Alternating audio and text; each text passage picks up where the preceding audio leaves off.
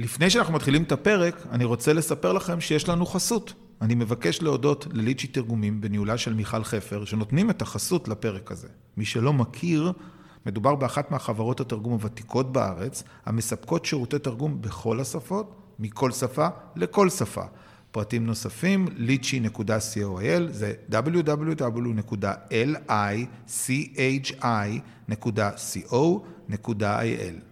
יאללה, מתחילים.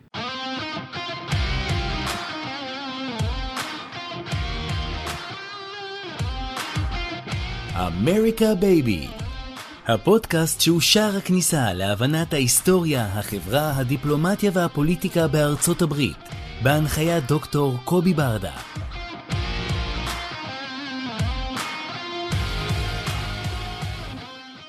שלום וברוכים הבאים לעוד פרק של אמריקה בייבי. היום אני מארח את ברק סלע, סטודנט למינהל ציבורי ב Harvard University ב Kennedy School לממשל, ובוגר תוכנית רודרמן ללימודי יהדות ארה"ב מאוניברסיטת חיפה, מקום שגם אני סיימתי ואהבתי והערכתי. ברק הוא מחנך, יזם חברתי, הוא מומחה ליהדות העולם ויחסי ישראל לארה"ב וכותב בנושא באתר ynet ובאתר חדשות דבר. הוא מנהל לשעבר של מכון רעות בישראל, והוביל תהליכים אסטרטגיים סביב הברית הירוקה האדומה, שאנחנו נדבר קצת גם על זה, המאבק באנטישמיות, הסכמי אברהם וקידום יחסי ישראל תפוצות. אהלן ברק, מה שלומך? כיף שאתה פה. אהלן קובי, כיף להתארח. אז אני הייתי רוצה להתחיל לפני הכל, אתה ממש עכשיו בלב הסערה, אה, לב המאפליה יש שיגידו, האירוע שמתפתח אה, לנגד עינינו בשבעה לאוקטובר, יש לו כמובן את הפיצוץ העצום, גלי ההדף הנוראים שיש, והפיצוץ המשני אצלכם בקמפוס. לא עוברות כמה שעות וכבר כמה קבוצות מארגנות מכתב לנשיאת האוניברסיטה, ויום למחרת double down על הנושא הזה, והייתי רוצה קודם כל ולפני הכל תכניס את מאזיננו, מי שמאיתנו לא שמע את זה, לא מכיר את זה, קודם כל מה היה, איך היה, איך התגלגל, ומשם נמשיך הלאה. אז uh, האמת היא שאותי תפס, uh, תפסו אירועי 7 באוקטובר, הייתי בבית שלי פה בבוסטון, אה, היה לקראת חצות, אני הולך לישון מאוחר, אז עוד הייתי ער, והתחלתי לראות את האירוע המתגלגל, אני זוכר כמו הרבה אנשים כשראיתי את הסרטון של הטנדר בשדרות, פתאום הבנתי שאנחנו באירוע אחר לגמרי. וכל הלילה לא ישנתי, אולי 20 דקות. אה, למחרת בבוקר נסעתי לחברים בניו יורק, והייתי הפוך לגמרי וכל היום מנסה להבין מה קורה.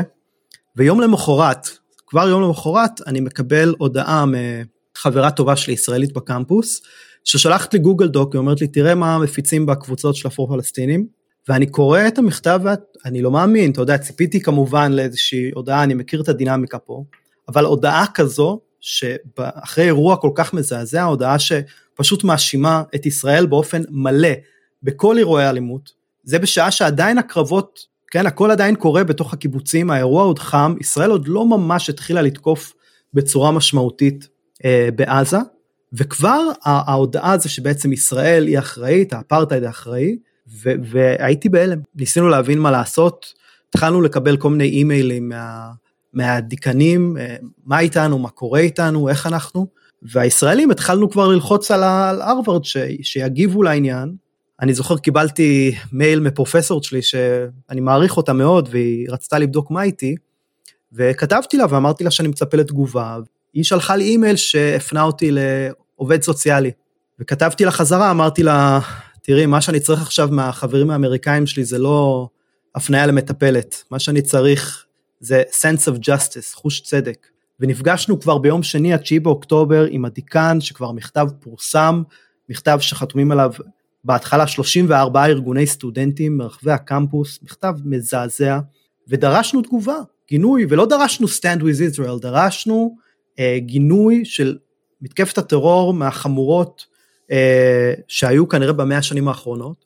בשני בערב יצאה באמת אה, תגובה של הרווארד, ואני לא יודע איך לתאר את זה, פושרת זה לא תגובה רופסת, עלובה, אה, חסרת עמוד שדרה ערכי, שאתה יודע, אני אומר את זה הרבה לחברים שלי, כשאני, היום שהתקבלתי להרווארד זה היה אחד הימים שהייתי הכי גאה בעצמי. ובאותו רגע פשוט התביישתי שאני חלק מהמוסד הזה, רציתי לקחת את הדברים שלי וללכת, רק בזכות אבא שלי שלחץ עליי להישאר פה, אני נשארתי, הייתי כבר מוכן לארוז ולעוף מכאן. תגובה שפשוט, אתה יודע, סוג של גינוי של האלימות, משהו גנרי, אפילו לא אה, הגדיר את חמאס כארגון טרור. והיינו בהלם, היינו בהלם, אה, ומשם האירוע רק התחיל להתגלגל. כי בעצם מה שהרווארד עשו, במכתב הראשוני הזה והרופס, הם בעצם יצרו סוג של אישור לכל מה שיבוא אחר כך, ולכל הפעולות ולעלייה באנטישמיות שאנחנו רואים, ולהפגנות שצועקות From the river to the sea, ולדיונים חמורים שקורים בקמפוס, אה, ולתורמים שעוזבים, וכל האירוע התחיל להתפוצץ. אה, אני כן אגיד שמאז יש איזושהי התעוררות, אני חושב שהרווארד לא הבינו את האירוע, הם לא הבינו את האירוע, כביכול האנשים הכי חכמים בעולם, כן, האוניברסיטה הכי טובה, הם לא הבינו את הסדר גודל של האירוע שהם נכנסו אליו. צריך להגיד, הנשיאה קלאודין גיי אה, נכנסה לתפקיד כמה שבועות קודם לכן, לא נראה לי שהיא ציפתה למשבר האדיר הזה שיפקוד אותה. אפרו-אמריקאית יש לציין, אה, בקונטקסט הרחב יותר שאולי נדבר עליו אחר כך, באמת על ההידרדרות ש, שיש במערכת היחסים בין יהדות ארצות הברית לאפרו-אמריקאים, אני חושב שיש פה איזשהו משהו שמסמל בסופו של דבר. אגב עוד משהו קטן שאני מפריע לך בתוך הקונטקסט הזה, גם במקביל ה chapter של אה, שיקגו של BLM מוציא באותו זמן במקביל אליכם את ה paratrooper הצנחן הזה אה, הפלסטיני שהופך להיות איזשהו סמל לאומיות פלסטיני, כן, ההתגאות על הצנחן הרוצח וחשבתי שחשוב להכניס את זה בתוך הקונטקסט הזה כי התמונה היא קצת יותר רחבה ונדבר עליה אולי בהמשך, אני מצטער, תמשיך כמובן. לא, לא, בוודאי, קודם כל חד משמעית אנחנו צריכים להבין, מה שאנחנו רואים בעולם הוא לא בהכרח תגובה למה שישראל עושה או לא עושה עכשיו בעזה, אלא העמדות היו כבר קיימות הרבה קודם לכן. העמדות היו קיימות, עמודי האינסטגרם היו במקומם, המסרים כבר נכתבו ורק חיכו אה, לשעת הכושר. עכשיו הם מאשימים את אה, ישראל בג'נוסייד. אני יכול להגיד לך שאני הייתי בהקרנה של סרט אה, שנקרא Israelism, שמדבר על uh, עוולות הכיבוש ו- וכולי, סרט שיש בו דברים חשובים, דברים מאוד מאוד בעייתיים, הוקרן ב Divinity School בהרווארד, שהפך להיות אחד ממוקדי האנטישמיות פה באופן פרדוקסלי, ואני יכול להגיד לך שכבר כמה שבועות לפני המלחמה, אנשים בקהל אמרו, להגיד על ישראל אפרטהייד זה כבר לא מספיק חזק, אנחנו צריכים להתחיל לדבר במונחים של genocide. אז זאת אומרת, הדבר הזה הוא לא תגובה. Uh, אני אגיד שמה שקרה אחר כך זה שבעקבות התגובות האלה, אה, תורמים ובוגרים ו, וסטודנטים החלו ללחוץ בצורה משמעותית על כל המוסדות והתחיל איזה סוג של מרתון של תיקונים, גם של הנשיאה היא הוציאה עוד שני תיקונים ועוד סרטון, ואני חושב שאתה יודע הרווארד זה דוגמה מעניינת כי אנחנו, יש אלפי אוניברסיטאות בכל רחבי ארצות הברית ואנחנו רואים מקומות שהם מאוד קיצוניים, דוגמת ברקלי וקולומביה, ומקומות בוא נגיד שהם בצד השני של הסקאלה כמו University of Florida וברנדייס שהגינוי שם נגד חמאס והטרור הוא ברור.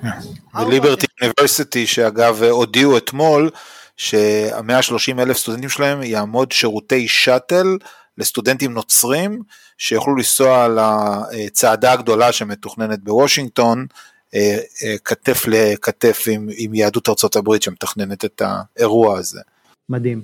אז אני חושב שעוד כמה פרטים חשובים בהתגלגלות של הרווארד שהיו שני התבטאויות חשובות אחד של אה, הנשיא הקודם סאמרס שממש גינה את ההתנהלות של הרווארד בצורה חריפה והשני זה המיליארדר היהודי ביל אקמן שהוא בוגר של, של ה business school שבעצם יצא בדרישה לחשוף את האנשים שחתומים על המכתב הזה כי הוא אמר אני לא רוצה בטעות להעסיק מישהו מהם אצלי בפירמה. בואו נעצור בסיפור של ביל אקמן כי זה מעניין כן. אה, ויש לו גם כן הרבה מאוד שרשורי המשך. לפני שנגיע לדבר על מה קרה, איך ולמה, אני רוצה לדעת, אולי אתה תוכל לעזור לי כי אין לי first hand בהקשר הזה, מה היה בעצם הטיעון, הרי ברגע שאתה כותב מכתב פתוח להנהלה, כמשמעו כן הוא מכתב פתוח, אה, אה, למה פתאום או באיזה שלב אה, ולמה בצורה חד צדדית ההנהלה מסרבת לבקשה לתת את השמות של מי שכתב מכתב פתוח, שלכאורה לא אמור בכלל להתבייש במה שהוא עשה. קודם כל, אתה צודק, זה סיפור קצת מורכב. קודם כל, ההנהלה לא יודעת בהכרח מי חתום על זה, זה, היה, זה פורסם בעמוד האינסטגרם, זה חתום על כל מיני ארגוני סטודנטים. זה לא נשלח מעולם להנהלה? המכתב הראשוני של הארגונים הפרו-פלסטינים הוא פורסם בעמוד האינסטגרם של Palestinians at Harvard, והוא לא בהכרח נשלח חתום על ידי סטודנטים להנהלה.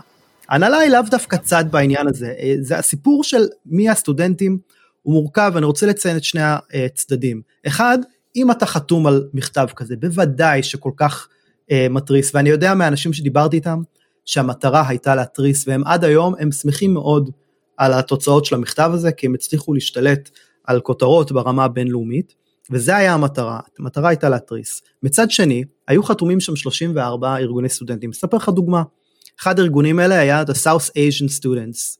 יש לי חברה טובה, שהיא בארגון הזה, והיא לא ידעה בכלל על החתימה הזאת, והיא התמלאה זעם, והיא כתבה בוואטסאפ של הקבוצה, איך אתם חותמים על דבר כזה בלי לשאול אותנו?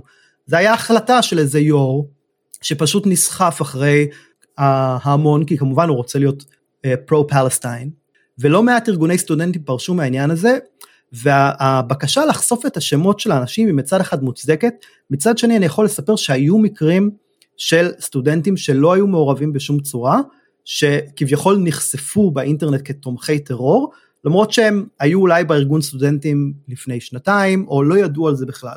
זאת אומרת, יש פה אירוע מורכב, ומצד שני, אני חושב שבאמת, אם אתה חותם על מכתב כזה, כל כך חמור, כל כך מתריס, אתה צריך להיות מסוגל לעמוד מאחוריו, אבל זו תופעה שאנחנו רואים אותה, שאגב, אנחנו גם כסטודנטים יהודים בקמפוס, בהחלט בתחושה שנוצרה איזושהי התעסקות יתר במה שנקרא בפחד מהדוקסינג, אה, וצריך להגיד שהיו פה כמה ארגונים מחוץ לקמפוס שהתערבו.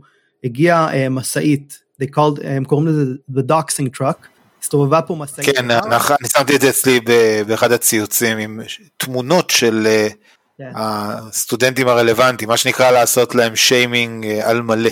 עכשיו, צריך להגיד, מי שארגן את המשאית הזאת זה לא מישהו מהרווארד, יתרה מכך, הלל הרווארד הוציאו על זה גינוי, כי הם אמרו, תראו, אנחנו לא מעניין אותנו, אותנו לא מעניין לרדוף אחרי סטודנט כזה או אחר בן 19 בן 20, אנחנו מעניין אותנו מה עמדת האוניברסיטה, אנחנו מעניין אותנו מה קורה בקמפוס. כן, אם אה, ראש חברה כזו או אחרת רוצה לא להעסיק, אוקיי, זה זכותם להתעסק בזה, אנחנו לא מתעסקים בזה, אנחנו מתעסקים באירוע טרור שהיה ובצורך של אוניברסיטה שאמורה להיות beacon of democracy, להבין מה התפקיד שלה, ותפקיד שלה זה לגנות את הטרור באופן חד משמעי. אני כן רוצה להגיד משהו, פשוט אולי זה קופץ טיפה קדימה, פשוט קרה עכשיו, אה, שנעשו הרבה מאמצים אה, לתקן, וממש לפני שעה הנשיאה הוציאה אה, אימייל לכל הקמפוס בנוגע למאמצים של האוניברסיטה במאבק כנגד אנטישמיות, ואני כן רוצה לציין את זכותה, שהיא אמרה שם במכתב, נכון צריך להגן על חופש הביטוי וכולי, אבל גינתה את המשפט From the river to the sea, בטענה שיש לזה משמעויות היסטוריות שקורות להשמדת היהודים מארץ ישראל, והיא אמרה I condemn this phrase, וזה דבר שלא ראינו הרבה ראשי אוניברסיטה, לגנות את החמאס זה רמה אחת, רמה אחרת זה לגנות את ה-From the River to the Sea, וכן אני רוצה להגיד, אנחנו רואים פה של הלחץ של הקהילה היהודית ושל הבוגרים, יש, יש מה שנקרא תוצאות.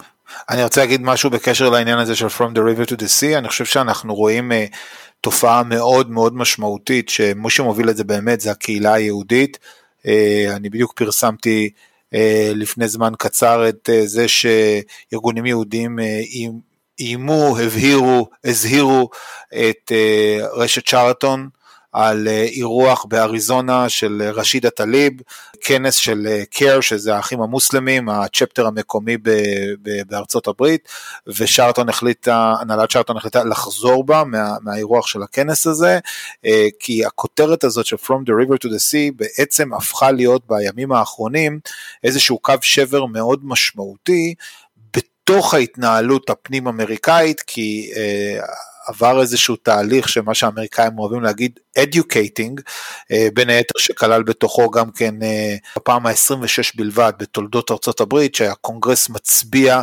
על גינוי לחבר קונגרס, סך הכל זה הפעם ה-26 לרשידה טליב על אותו סרטון שהיא פרסמה תחת המשפט From the River to the Sea עם כל ההשלכות והמשמעויות שלו, ובאמת אנחנו רואים את הקהילה היהודית מתארגנת בצורה אקטיבית מאוד מאוד אה, משמעותית, שבשנים האחרונות אולי נדבר על זה קצת יותר מאוחר. מה קרה בשנים האחרונות ועד כמה דרמטי היה האירוע הזה בחיים של הקהילה היהודית הליברלית הפרוגרסיבית שקיימת. ואנחנו רואים או מזהים התחלה של פושבק מאוד מאוד משמעותי למשפט שהפך להיות מטבע לשון שכבר אף אחד לא מתייחס אליו, From the river to the sea זה סלוגן של טישרטים קלאסי כזה ופתאום אנחנו רואים את זה לגמרי שעכשיו אנחנו רואים שיש פה איזשהו פושבק בקשר לעניין הזה. אה, ואני באמת רוצה מפה לצאת לשאלה להערכתך לפי מיטב הבנתך הכרתך, בתור מי שחי בתוך הקמפוס, בתור מי שרואה את המהלכים, הרי עברה פה איזושהי שרשרת התכה מאוד משמעותית, התחילה עם משפחת עופר שהחליטה למשוך את התרומה, המשיך בעשרות בוגרים אלומניז שהודיעו שהם אה, מפסיקים את התרומות שלהם, לא ישלחו את הילדים שלהם, מה שנקרא legacy, אה, מסלול קבלה כבן של בוגר או בת של בוגרת, הודיעו שהם לא היו מוכנים לשלוח לשם את הילדים שלהם, עם כל המשתמע על זה, אנחנו שמענו על, על הקרנות גידור האלה באמת, שהודיעו שלא יקבלו יותר עובדים, חברות משפטיות שחתמו וכן הלאה. הרווארד הייתה תחת מלחציים מאוד מאוד משמעותיים באירוע שביום יום לא קורה, לא בעוצמה, לא במשמעות, המשמעות ולא בתיקוף שלו. כמה אתה חושב המהלך הזה, שבסופו של יום הוא עומד מול משהו, זאת אומרת בשנים האחרונות הקמפוסים האמריקאים, במיוחד אה, מה שנקרא בעברית הליגת כיסוס, ה-Ivy League, מכרו את נשמתם לכסף קטרי.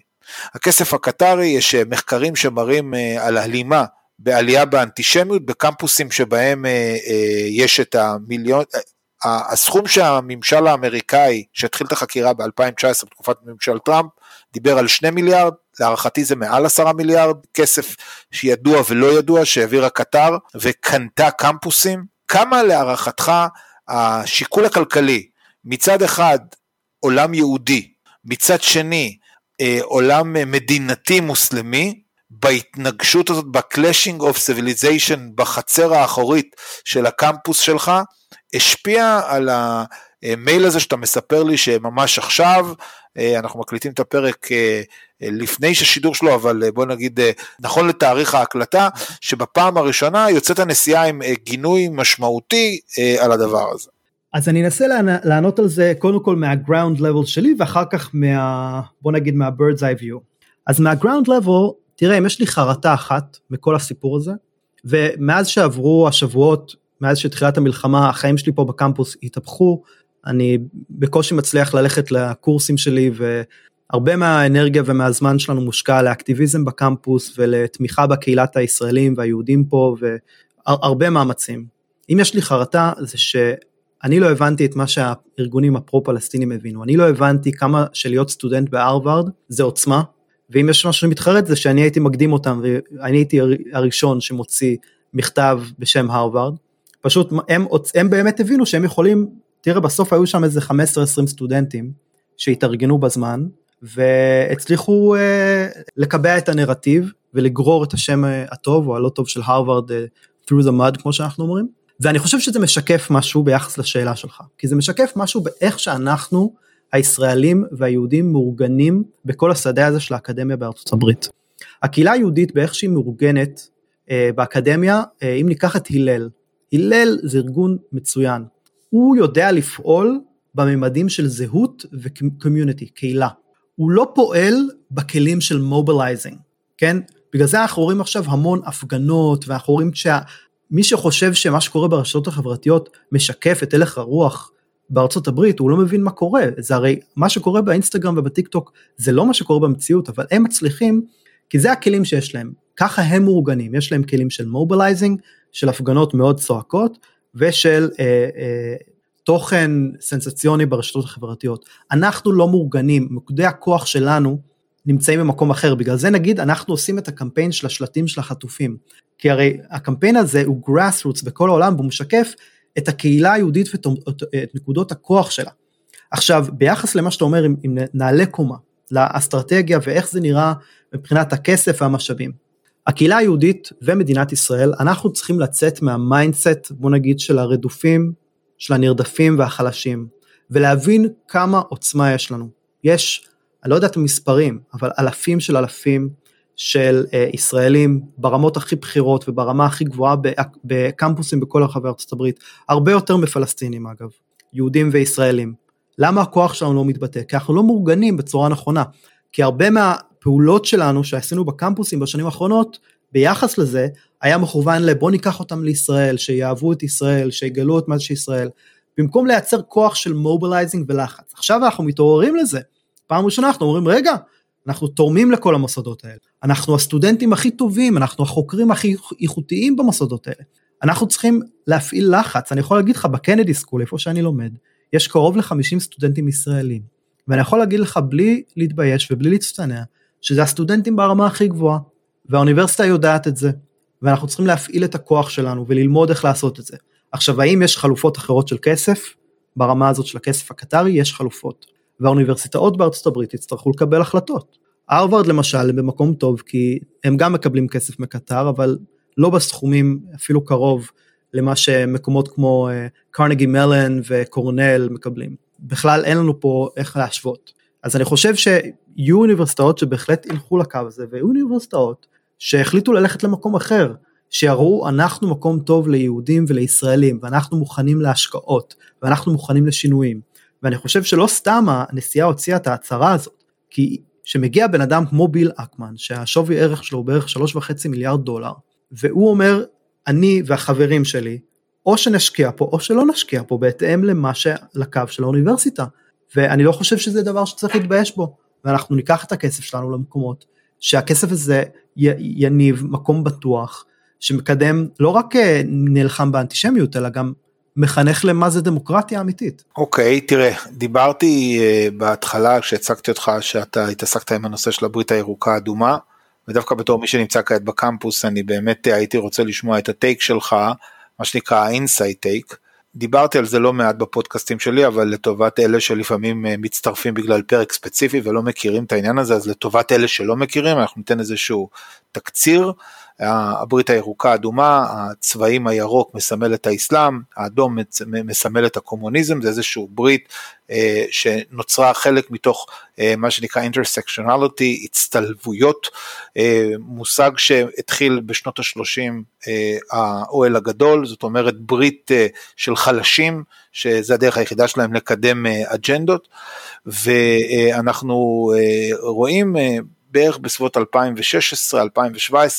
שם מתחיל החיבור המאוד מאוד חזק, אה, עושים את הצימות הזה כדי לרוץ ביחד. אה, אה, מי שמתחיל את זה אגב זה תנועה שנקראת The Young Turks, שעושים גם בנטפליקס את הסרטון, ש, ש, את הסרט, כן, של AOC, אלכסנדר אוקוזיה קורטז, שם שמי שלא ראה אני ממליץ לראות את הסרט, אה, עושים אודישן, האח שלה שולח לה את זה ואיך היא נכנסת לתוך הסיפור הזה והיא מגיעה באמת מתפיסות עולם יותר אה, נגדיר את זה הקומוניסטיות מרקסיסטיות ומתחברים לתוך הסיפור עם האירוע הזה של המוסלמים אה, ובעצם מייצרים איזשהו משהו מאוד מעניין. למה אני אומר שהוא מאוד מעניין? כי אנחנו רואים תופעות קצה אפילו, שמי שהולך לחדר של רשידה טליב, רואה שיש לה מצד שמאל את דגל ארצות הברית, מצד ימין דגל של מישיגן ודגל אה, הגאווה. אם היא הייתה עושה את זה, המשפחה שלה במקור שלה היא אה, משכם, אם היא הייתה עושה דבר כזה אה, בשכם, כנראה היא לא הייתה נשארת יום אחד אה, חיה, כן? אבל כדי לעשות את האינטרסקשנליטי, זה המהלך שהיא עושה, ואז גם כנגד זה אנחנו רואים queers for Palestine, שהישראלי הממוצע לא מסוגל להבין, איך יכול להיות, הרי יזרקו אותך מהגג, לא, קצת קשה להסביר להם איך האירוע הזה מתחבר ביחד. אז הייתי שמח לשמוע ממך באמת קצת, אה, כי הקמפוס אה, זה אולי נקודת ההתכה של הברית הזאת הכי טובה שיש, נקודת המפגש הכי משמעותית, אה, ושם גם זה מתפרץ החוצה. תן לנו insights כמי שחי את האירוע. יפה, אז קודם כל צריך להבין את הפרספקטיבה הרחבה. יצאו המון המון סקרים על מה העמדות של הציבור האמריקאי ביחס למלחמה, והרוב המוחץ של האמריקאים, כשמציבים לו את האופציה ישראל מול חמאס, אה, היה פה סקר באופן שוב אירוני של הרווארד הריס פול, שם 85% מהציבור האמריקאי אה, תומך בישראל, אבל כשאנחנו מסתכלים על הבני 18 עד 24, אנחנו רואים כמעט 50% תומכים בחמאס. 51 אחוז, כן. כן.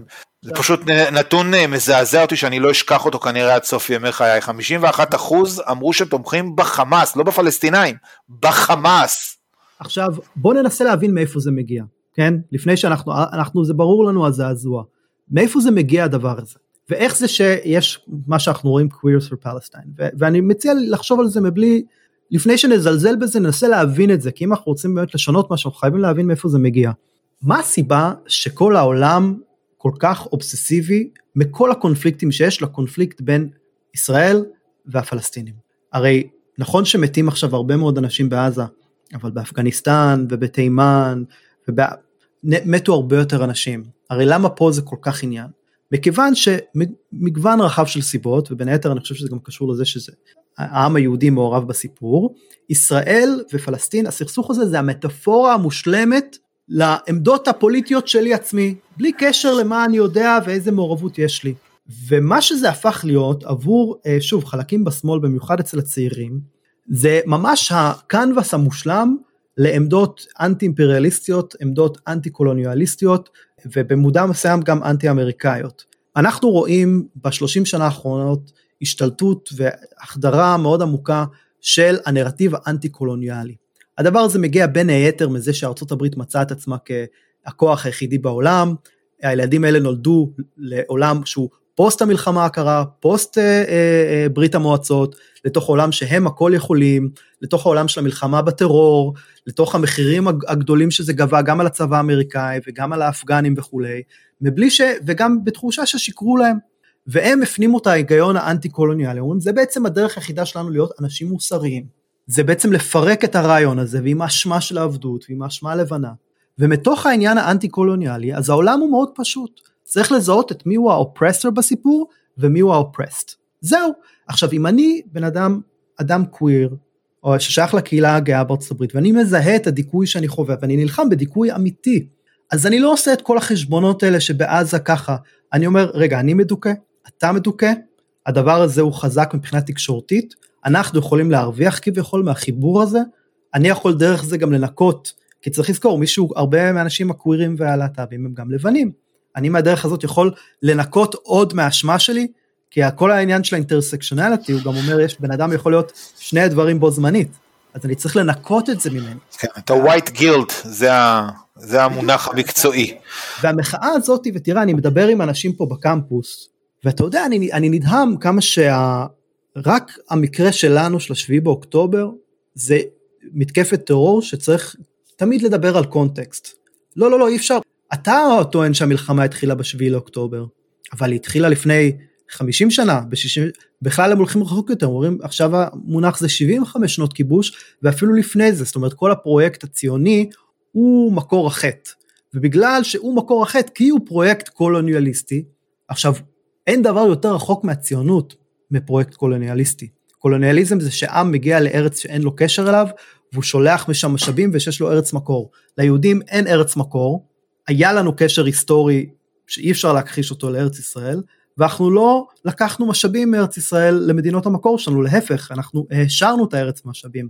אז אין יותר דבר רחוק לדעתי מהפרויקט הציוני מקולוניאליזם, אבל זה לא מפריע לתייג אותו ככזה, ולהשליך עליו את כל הדברים, ובאמת אני, אני, הרגע, אתה יודע, אני קצת נסער, כי אני הרגע הגעתי מדוכן של סיספייר, שעמד בכניסה עכשיו אני לא רוצה אלימות, אני, אני, בין, אני פעיל שלום, אני עוסק בקידום השלום כבר מאז שאני בן 14.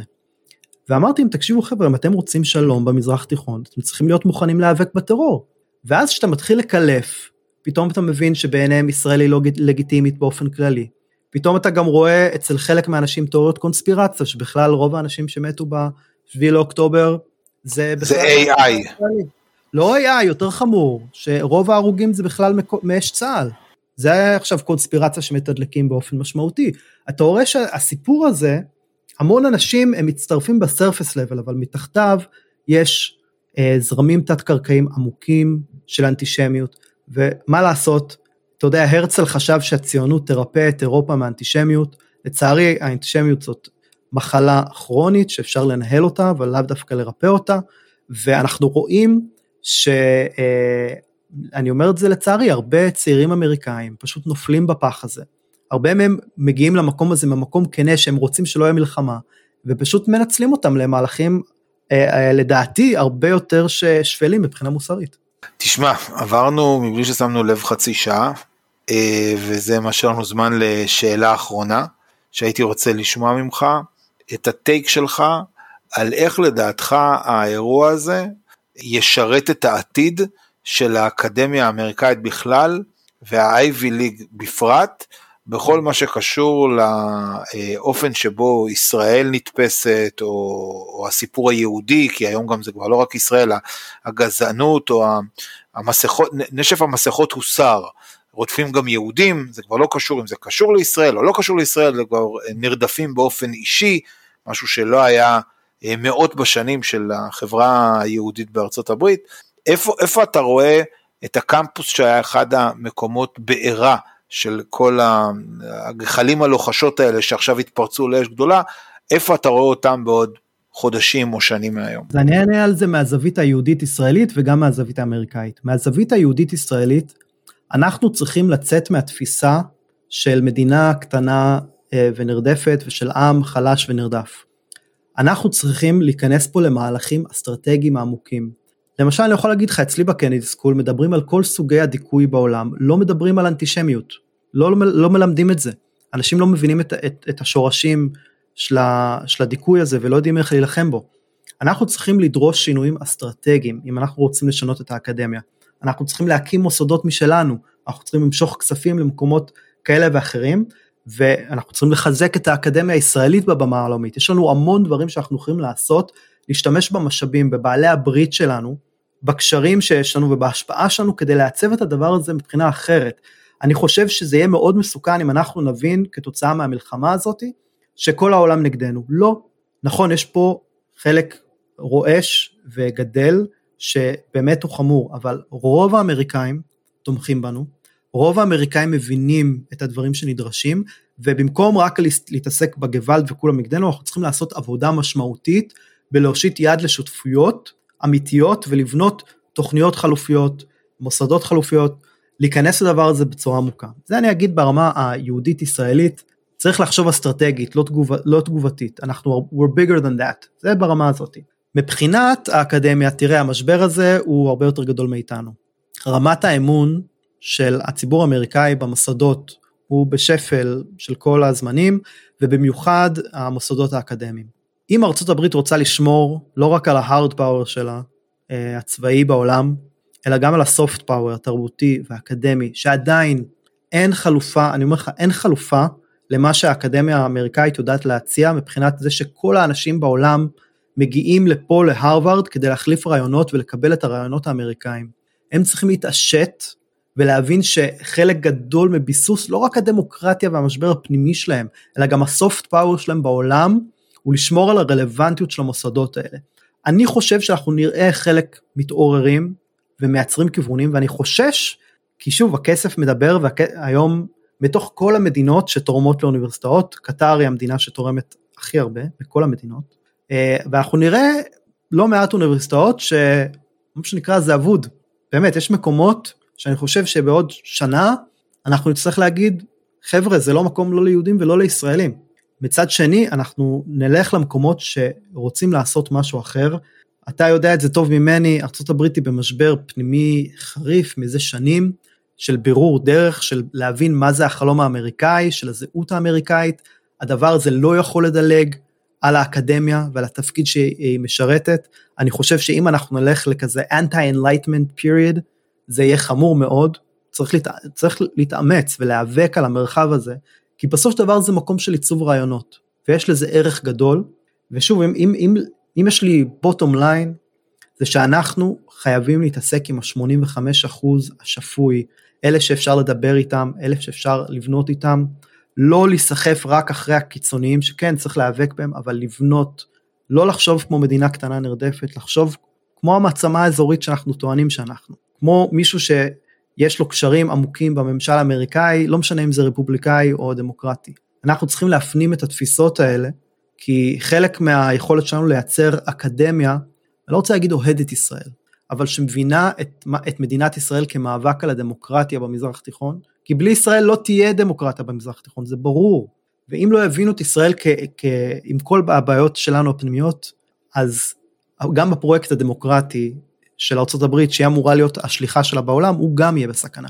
וואי ברק היה מרתק, אה, היה גם כיף לשמוע מה שנקרא first hand חוויות של סטודנט ישראלי בקמפוס אמריקאי שנמצא בלב הסערה. נהניתי, החכמתי, ותודה רבה לך. תודה לך, ושנדע ימים טובים. אמן. תודה רבה שהאזנתם לפרק הזה. אתם יכולים למצוא אותנו בכל האפליקציות של הפודקאסטים, דוגמת ספוטיפיי, אפל, גוגל פודקאסט ועוד.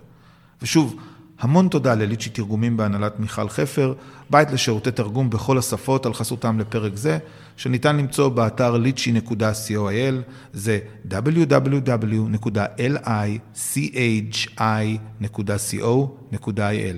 תודה מיוחדת לחברת הפודקסייה בניהולו של שלום סיונוב על הפקת הפודקאסט הזה. נתראה בפרק הבא.